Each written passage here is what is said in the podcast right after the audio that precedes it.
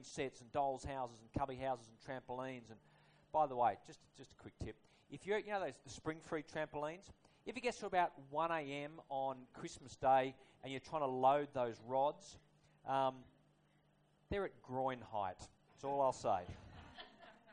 we will do anything to see our kids thrive as competent, confident citizens. Now, as adults, the, the consolation prize that goes along with deteriorating eyesight and tight hammies and, and failing hearing is that you get some perspective and some wisdom. We need later tomorrow. That's why, for example, 62.3% of us here in Sydney pay thousands of dollars every month to a bank, to those mongrel institutions that Royal Commissioner Haynes said pursued their own profit over every other motivation. We gladly pay them thousands of dollars every month, knowing that they're going to exploit us to the moon and back given half the chance. Why? Because of the hope that in 25 years we're going to have our very own piece of Australia, our very own home. As adults, we play the long game. That's the assumption behind what I've been asked to speak to you about today. Helping parents raise their kids as Christians. And your presence here in church today tells me you're probably on board with this. That you want to see our kids grow up uh, not just as confident, competent citizens here on earth, but to grow up as citizens of heaven, to inherit eternal life by living with their trust in Jesus. Your presence here today tells me you're probably on board with that. But in case you're not fully persuaded, let me give you three quick reasons why you should be. Three reasons why you can be sure that for yourself and your family, having Jesus Christ as your Lord and Savior is the wisest, the very best thing you can do. Number one, it's true. The gospel of Jesus Christ, the Bible, the Christian faith is true. It's evidenced by the findings of physics and cosmology and anthropology and psychology. And, and let me give you a quick example from history. We'll whip through this pretty quickly. Uh, the book of Isaiah in the Old Testament, 700 BC, is when Isaiah, the man, the prophet, um, uh, wrote and spoke about things, including foretelling the, the birth, the life, the ministry, the death, and resurrection of Jesus in stunning clarity. However, the earliest copy of Isaiah, his writings we had, dated to 700 AD. That would be a gap of 1400 years. And so the skeptics said, well, well of course Isaiah is going to be able to describe Jesus' uh, life, ministry, death, and resurrection in stunning accuracy because he wrote it a couple of hundred years after the fact and just retrofitted his writing to make it look like it was a 700 year BC uh, prophecy. Until 1940 about, and the discovery of the Dead Sea Scrolls that dates back to 150 BC, the Qumran community. And the jewel in the crown of that archaeological discovery was this puppy, the Great Scroll of Isaiah, now on permanent public ex- exhibition in a museum in Jerusalem. And when you compare that 100 BC, 150 BC year old document to the previous earliest copy of Isaiah, 700 AD, we find that it's about 100% word for word accurate. Yeah, some of the place names have changed the spelling and the word order in the sentences goes a bit, bit skewy, but in terms of the, the, the factual substance and the meaning of every sentence, it is 100% accurate. You can be confident that what we are reading is true in the Bible. Second reason Christian faith, it works. Study after study shows that people of faith are generally happier, more content, with more stable home lives, higher educational outcomes, uh, less addictive behaviours, less encounters with the police. The list goes on. Life is simply better when you are a person of faith a recent study into scripture in our schools by two Jewish scholars, one of whom is the United, the, the chair of the United Nations Committee into Faith and Education, so a global heavy hitter in this space.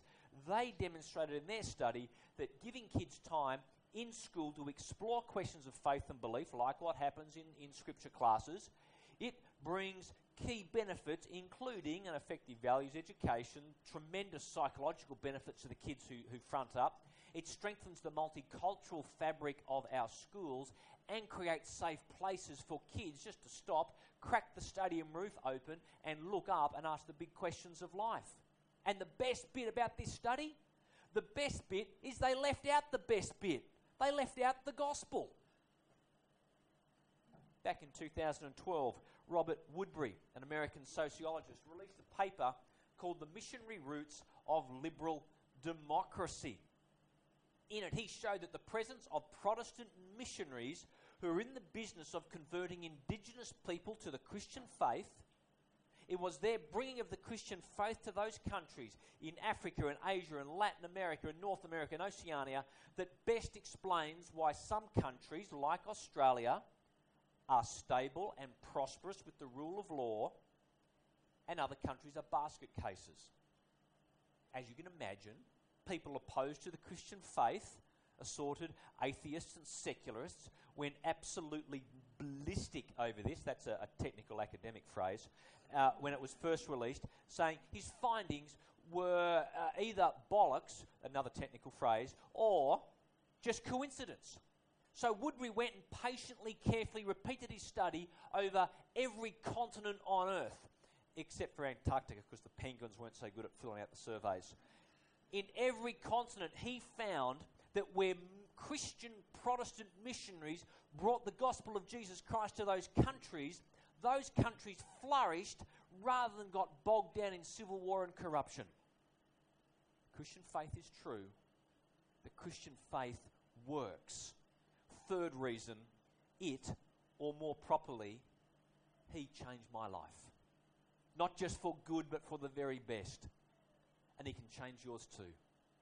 Jesus Christ rose from the grave and is alive today, and therefore more powerful than anything else in the universe. He changed my life, He can change yours too. Because the gospel of Jesus Christ is true, because it works, and it changes life for good. And because we want the best for our children, yeah, we want to raise our kids in the knowledge and love of Jesus. So, how do you do it? Christianity is not a religion of us reaching up to God, constructing a ladder out of all our religious observances and good work in the hope that this ladder is going to overwhelm all of our failures and sins and it's going to be high enough to reach up to heaven. No, Christianity is not a religion of us reaching up to God. It's a relationship of God reaching down to us in the person of Jesus Christ. So, how do you pass on your Christian faith, your relationship with Jesus to your kid? Because Christianity is a relationship and not a religion, it is caught rather than taught. Let me tell you what I don't mean and what I do mean by this. I don't mean that there's nothing at all to teach about the Christian faith. There is plenty. You need to teach your kids from a young age. You might know this famous passage in the Old Testament. The, the Jews call it the Shema. Uh, Deuteronomy chapter 6 goes like this Hear, O Israel, the Lord our God is one. Love the Lord your God with all your heart and all your soul and all your strength. These commandments that I, the Lord God, give you today are to be upon your hearts. Impress them upon your children. Talk about them when you sit at home, when you walk on the road, when you lie down, when you get up, anywhere, everywhere, about anything. Talk to your kids about your faith. God commands his people to teach children certain things. You want to start by telling them at least they are not at the center of the universe. And neither are you for that matter. And your kids, they do not deserve better. Like you and me, they are sinners by nature and sinners by choice. And they need to know that they have, however, been purposely and wonderfully created by the one who is at the center of the universe. They are loved eternally and unconditionally by him. You want to teach your kids, you know, John 3:16.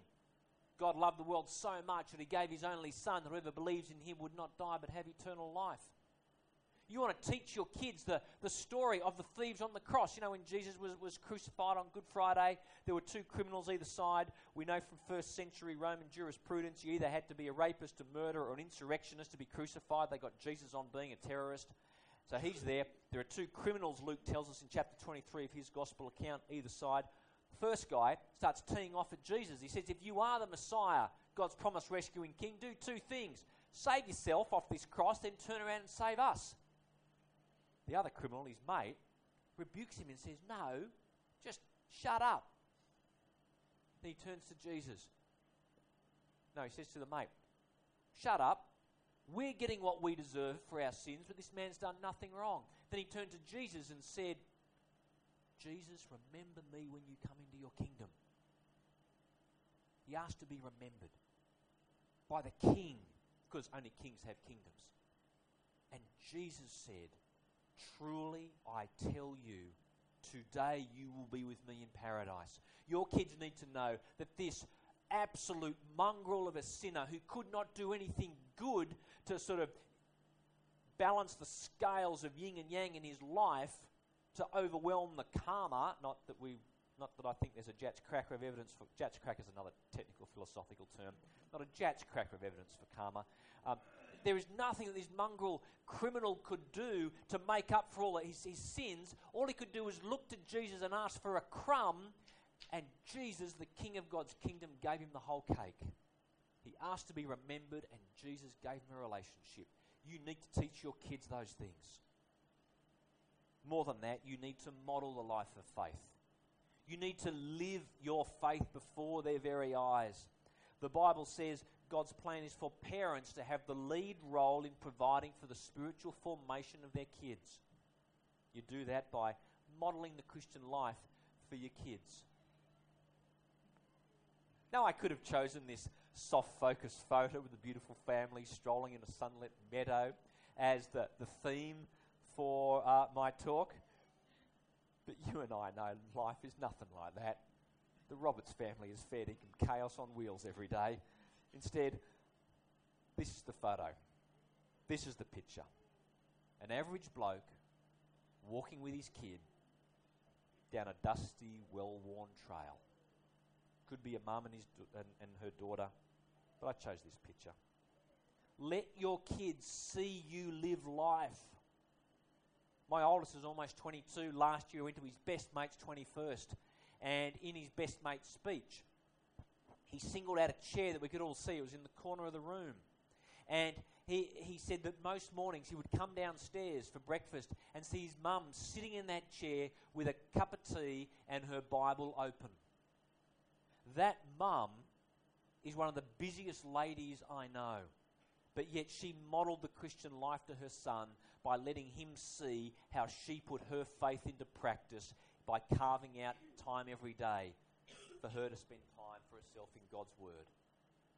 We know the way that to sustain any relationship is through conversation, through talking. We know the Bible is God's Word to us. You want to know how God talks to us? Well, through His Word. And, and, and prayer is us talking to God. Do you bring your children into your relationship with God? Do they see you at prayer? Do you pray with them? Do you read the Bible with them? If they're not yet at school, do you make reading the Bible a non negotiable time of their evening routine or the morning routine? With our kids, when they were little tackers, we'd put them into bed, we'd read them a favourite story, we'd read them a Bible story, then we'd say prayers with them, thank you, good night, see you in the morning. Hopefully, game over sometimes. When they got to school, you know what I mean, uh, when they got to school, they could read and write. We used this great little book called XTB, Explore the Bible. It's eight bucks for 90 days of Bible readings. It is brilliant. Ask uh, Joshua, one of the team, how you can get a copy. I wish YouthWorks published it, but we don't. The Good Book Company in the UK publish it. XTB for kids 5 through to about 12. It is gold. When my kids outgrew that, we made sure they had age appropriate resources for their age and maturity. And we would and we would st- and we still do pray with and for our kids. Not so often now they're older and driving and running their own race, but at least every time we sit together for a meal. So we read the Bible and we pray with our kids. And we do the two other things that God teaches his people to do meet with his people at church and tell others about Jesus. The reason why I say the Christian faith is caught and not taught is because you can teach your kids a whole lot of good biblical doctrine. You can teach them that the Bible is our Creator's good word to us, that prayer is His gift that allows us to speak to Him anywhere, anytime, about anything, and prayer is powerful and changes the world. We can teach our kids all this and many more till we're blue in the face. But if you don't live it, your kids are going to see right through your hypocrisy. You know, hypocrisy, where you say, do as I say, not as I do. The conduct and priorities that you model will be the priorities that, all other things being equal, your kids will take into their lives. You come into church every second week? Or maybe you're here every week. Unless, of course, there's a better offer. Your kids will see what you think is truly valuable and truly important. At the first sign of things not quite going to your script, do you tee off and swear and huff and puff and carry on? Or do you model patience, joy, grace, and self control? Do your kids see you going to your midweek Bible study group? Do you talk with your kids about the family budget and where you give uh, what you give your money to? Do they see you making sacrifices for the glory and honor of Jesus Christ, or do they see you living with yourself at the center of the universe? Back when our kids were 12 or 12 and 10 and 1, going on family holidays up the coast in summer was, was quite the achievement. Getting the, the, the clothes and the esky with food and the travel cot and the high chair and the stroller. We had to work out what the important things were and put them in the boot first. And once all the important gear was in, then we could work out if we take one, two, or three boogie boards uh, the tennis rackets, the scooters, PlayStation, board games, cuddly toys. The wish list went on. The crucial things go in first, and the nice to have things get in only if there's room. So when you're packing the boot of your diary or of your bank account, does meeting with God's people around His Word go in first? Or do you load your kids up with sport and birthday parties and the other things, and, and then see if there's any time to, to fit in as God's people meeting around His Word. As one parent to another, I know how hard this is. One of our kids uh, in year six was coached by an Australian player in the sport they played.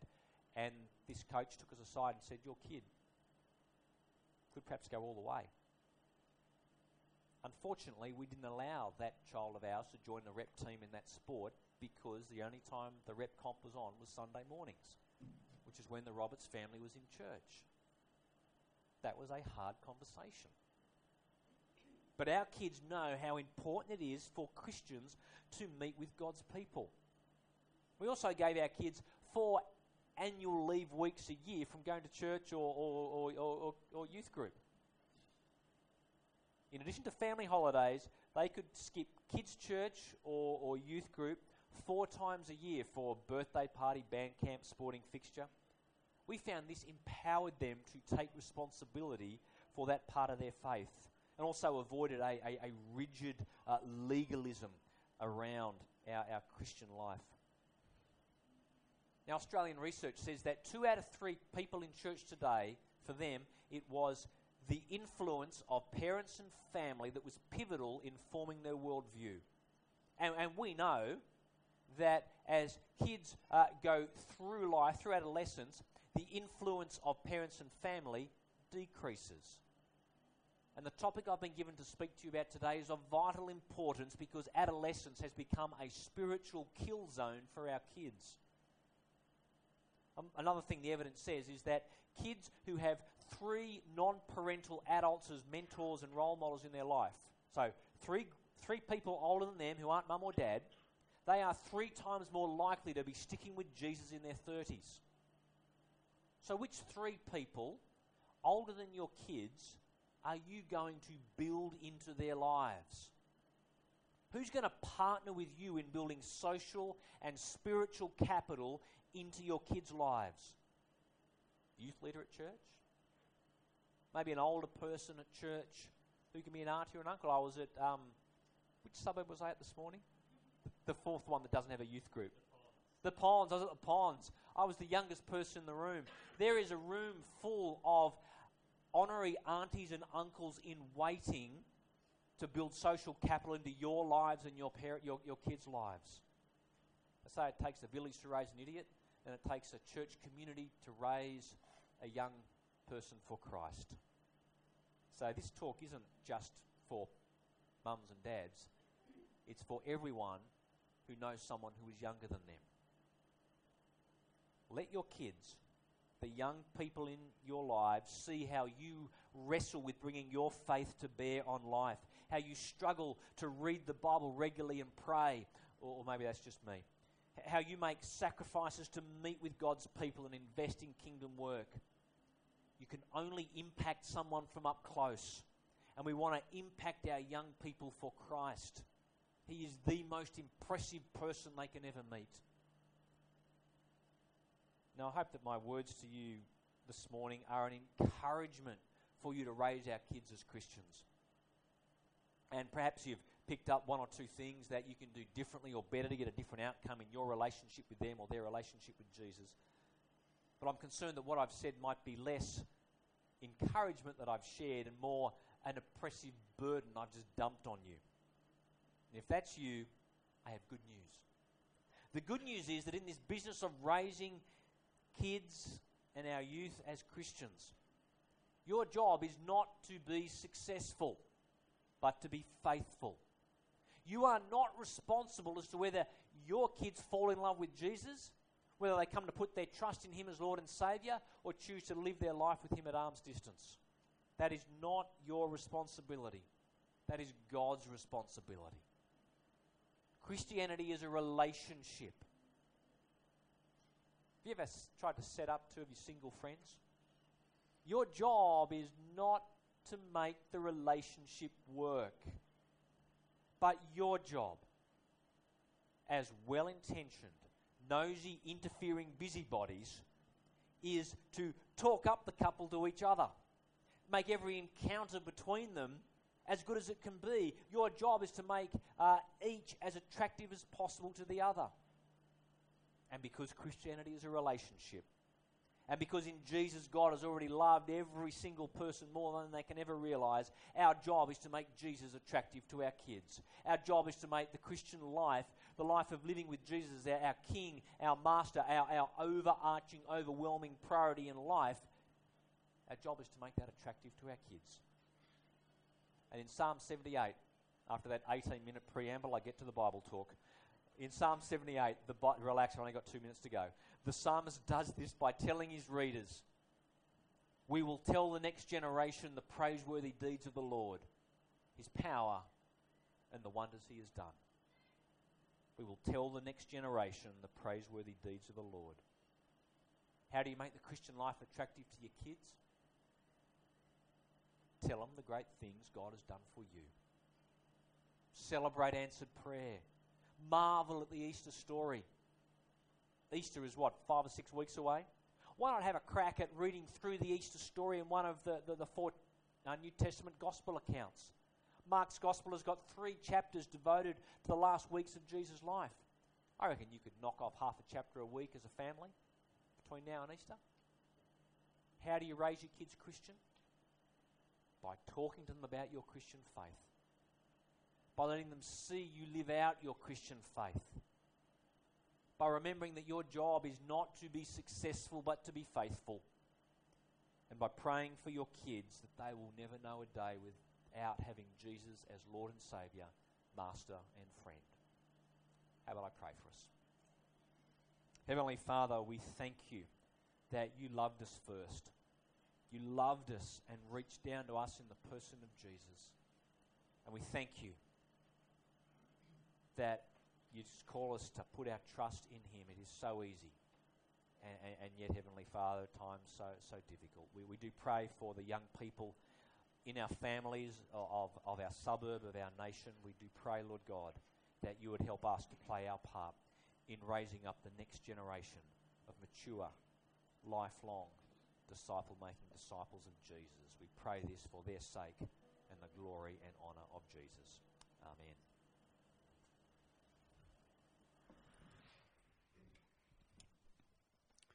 Thanks for those words, Craig, those encouragements.